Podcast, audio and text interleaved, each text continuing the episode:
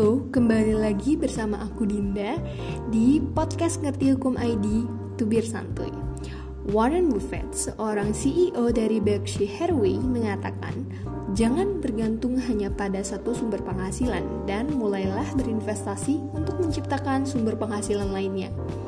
Apakah kamu salah satu yang sudah memulai ataukah belum? Gak ada kata terlambat kok untuk berinvestasi, mumpung masih ada waktu dan kesempatan.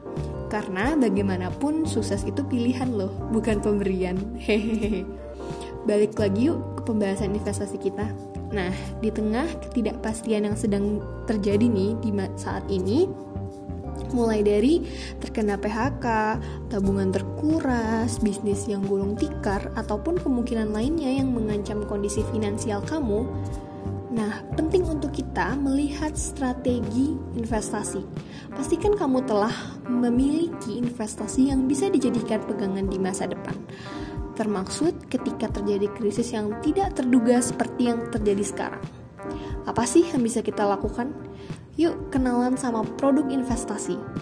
Pertama, kita akan ngobrolin investasi saham. Saham adalah sebuah bukti kepemilikan nilai sebuah perusahaan investasi saham mudah kok. Kamu tinggal cari broker atau sekuritas yang bisa deposit dengan minimal 100 ribu. Dan dengan nominal itu kamu sudah bisa berinvestasi. Jadi ada dua keuntungan kalau kamu membeli sebuah saham.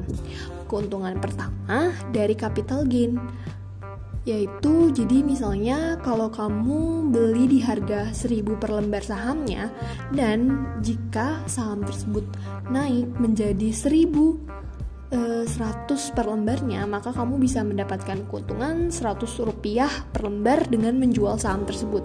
Nah, dari perhitungan tadi tinggal dikalikan saja berapa lot yang kamu beli dan kalikan 100 per lembar sahamnya. Karena satu lot itu 100 lembar. Nah, keuntungan kedua adalah dividen yaitu laba perusahaan yang dibagikan kepada para pemilik sahamnya. Nah, tentunya kamu juga harus memastikan nih bahwa perusahaan tersebut sering membagi dividennya.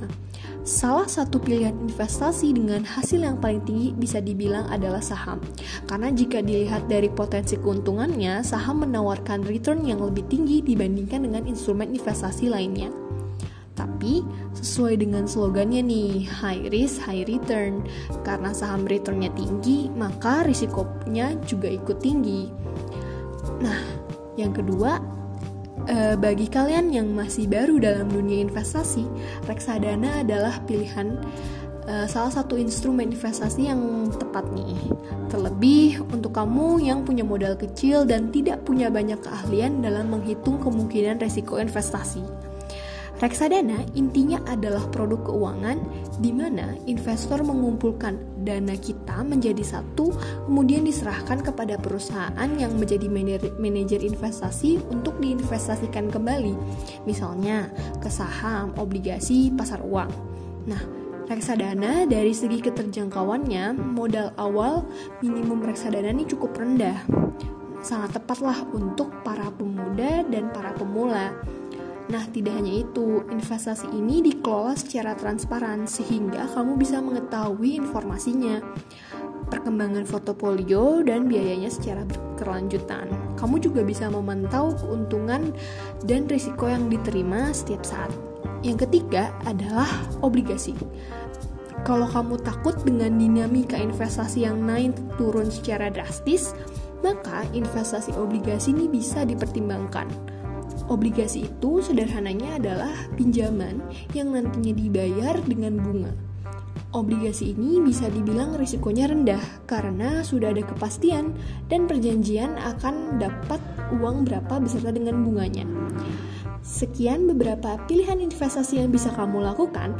Yuk, mulai berinvestasi. Demikian tubir santuy kali ini. Jangan lupa kunjungi website kami di Ngerti Hukum ID dan ikuti media sosial, sosial kami di fanpage, Twitter, Instagram, LinkedIn, Telegram, TikTok, dan YouTube di Ngerti Hukum ID. Sampai ketemu lagi ya.